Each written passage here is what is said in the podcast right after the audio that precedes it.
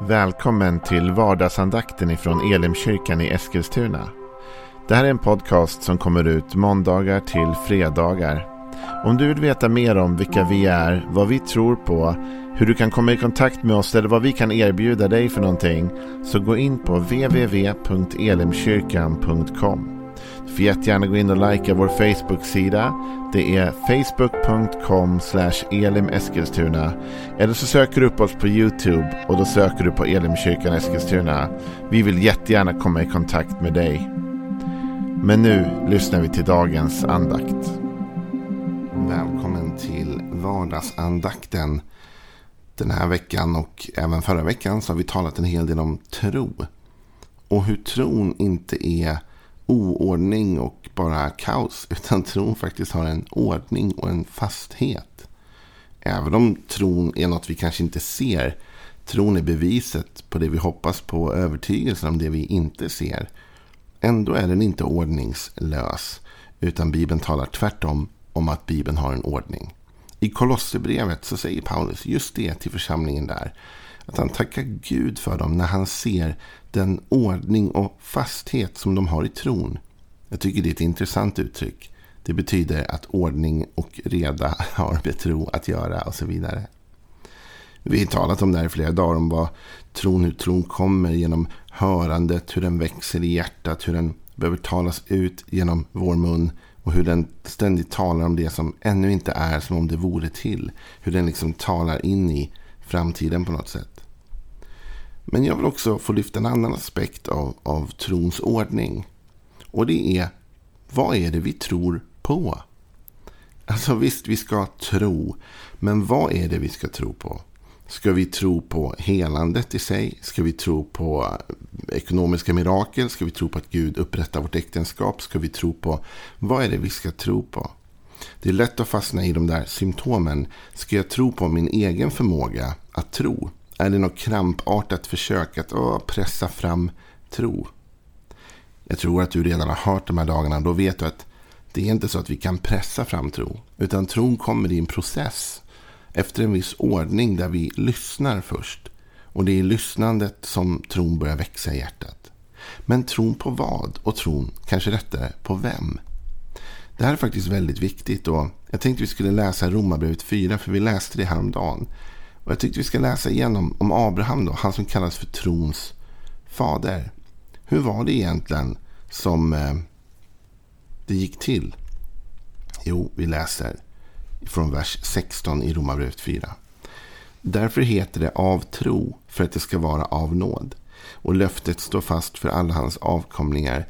Inte bara för de som hör till lagens folk utan också för de som har Abrahams tro.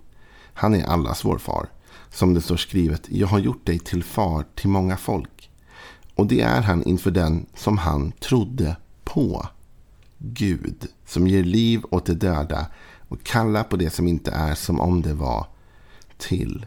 Där hoppet var ute hoppades han ändå och trodde och blev så far till många folk. Som det var sagt, så ska din avkomma bli. Han vacklade inte i tron när han tänkte på sin döda kropp. Han var omkring hundra år och att Saras moderliv var dött. Han tvivlade inte i otro på Guds löfte utan blev istället starkare i tron och gav Gud äran. Fullt övertygad om att vad Gud hade lovat var han också mäktig att hålla.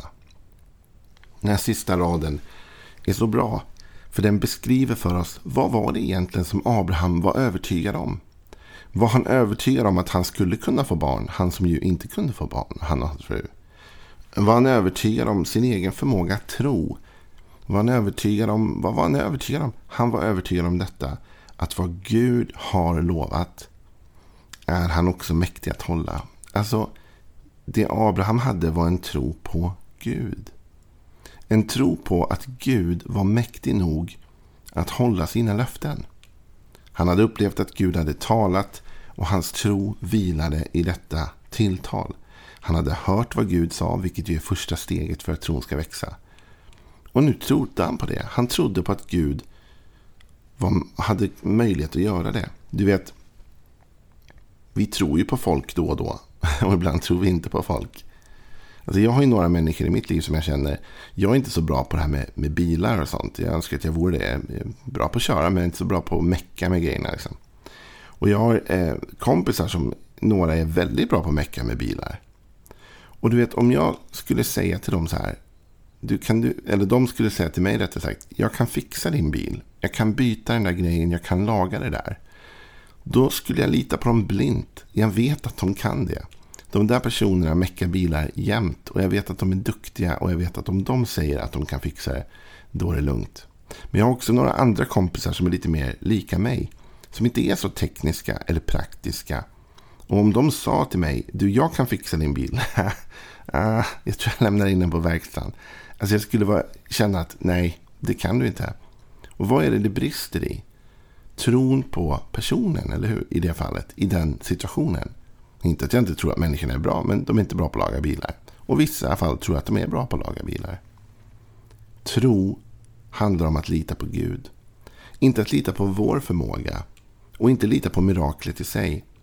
Utan att lita på Gud. Att lita på hans förmåga att för det första hålla det han själv säger. Men också hans förmåga att kalla på det som inte är som om det var till och ge liv åt det döda. Det är intressant. Han tvivlade inte i otro på Guds löfte. Utan blev starkare i tron och gav Gud an. Du och jag, vi ska tro på Gud. Om du och jag känner oss oroliga för olika situationer vi möter. Så bottnar det ibland också i detta. Att vi inte har en tillräckligt stor bild av vem Gud är. Alltså, vi måste låta vår bild av Gud växa. Det är därför jag tror att det här med att fylla på sig själv med bibelläsningen, med predikningarna, med lovsången, med olika saker är så nyttigt därför att det formar vår gudsbild. Och när vår Gud blir större, då blir våra problem mindre. Det låter klichéigt, men det är också sant. Alltså, ju mer förmåga jag kan tillskriva Gud, att jag faktiskt litar på honom att fixa de här grejerna, ju mer tro kommer jag ju ha på honom att han kommer att göra det och att han kan göra det. David säger Herren är min herde, mig ska inget fattas. Det betyder att innan David kom till mig ska inget fattas så hade han byggt sig en bild av vem Gud var. Gud var hans herde. Och han hade förtroende för att herden fyller de behov som fåret har. Och därför kan han säga Herren är min herde. Okej, okay, det är min gudsbild. Mig ska inget fattas. Det blir det givna följande liksom statementet. Och där tror jag att du och jag, vi måste våga bygga vår bild av Gud. Det finns en intressant text där Jesus möter en kvinna vid brunnen.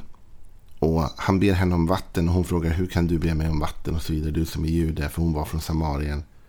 Och så säger Jesus, om du visste vem det var som talade till dig och vem det var som sa ge mig vatten att dricka, då skulle du ha bett honom och han skulle ha gett dig levande vatten. Alltså Jesus säger problemet är att du vet inte vem jag är. Och om du visste vem jag var, då skulle du våga be mig om att släcka din törst. Så när du och jag har svag tro så är det på något sätt för att vår bild av Gud inte är utvecklad nog. Och då måste vi börja där. Inte försöka forcera fram någon tro som inte finns där. Åh, ja, man försöker tro för helande men man har ingen tro för det. Man bara försöker forcera fram någonting. Då kanske vi istället skulle gå tillbaka och läsa Bibeln. Läs om alla helande berättelser. Läs om alla gånger Jesus gjorde mirakel, botade sjuka. Vi kanske skulle behöva lyssna till vittnesbörd från några som har blivit helade. Så att man ser att bilden av Gud växer. Och då lovar jag att till slut kommer tron för helande att finnas där mycket starkare. Bara av sig självt. Därför att vår bild av Gud har vuxit. Till det som kanske Bibeln själv säger om Gud att han är Jehova Rafa, Herren vår läkare.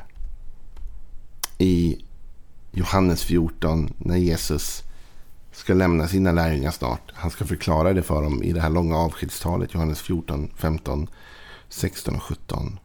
Så börjar Jesus med följande citat. Han säger så här i Johannes 14, vers 1. Låt inte era hjärtan oroas. Tro på Gud och tro på mig. I min fars hus finns många rum. Om det inte vore så skulle jag då ha sagt till er att jag går bort för att bereda plats för er.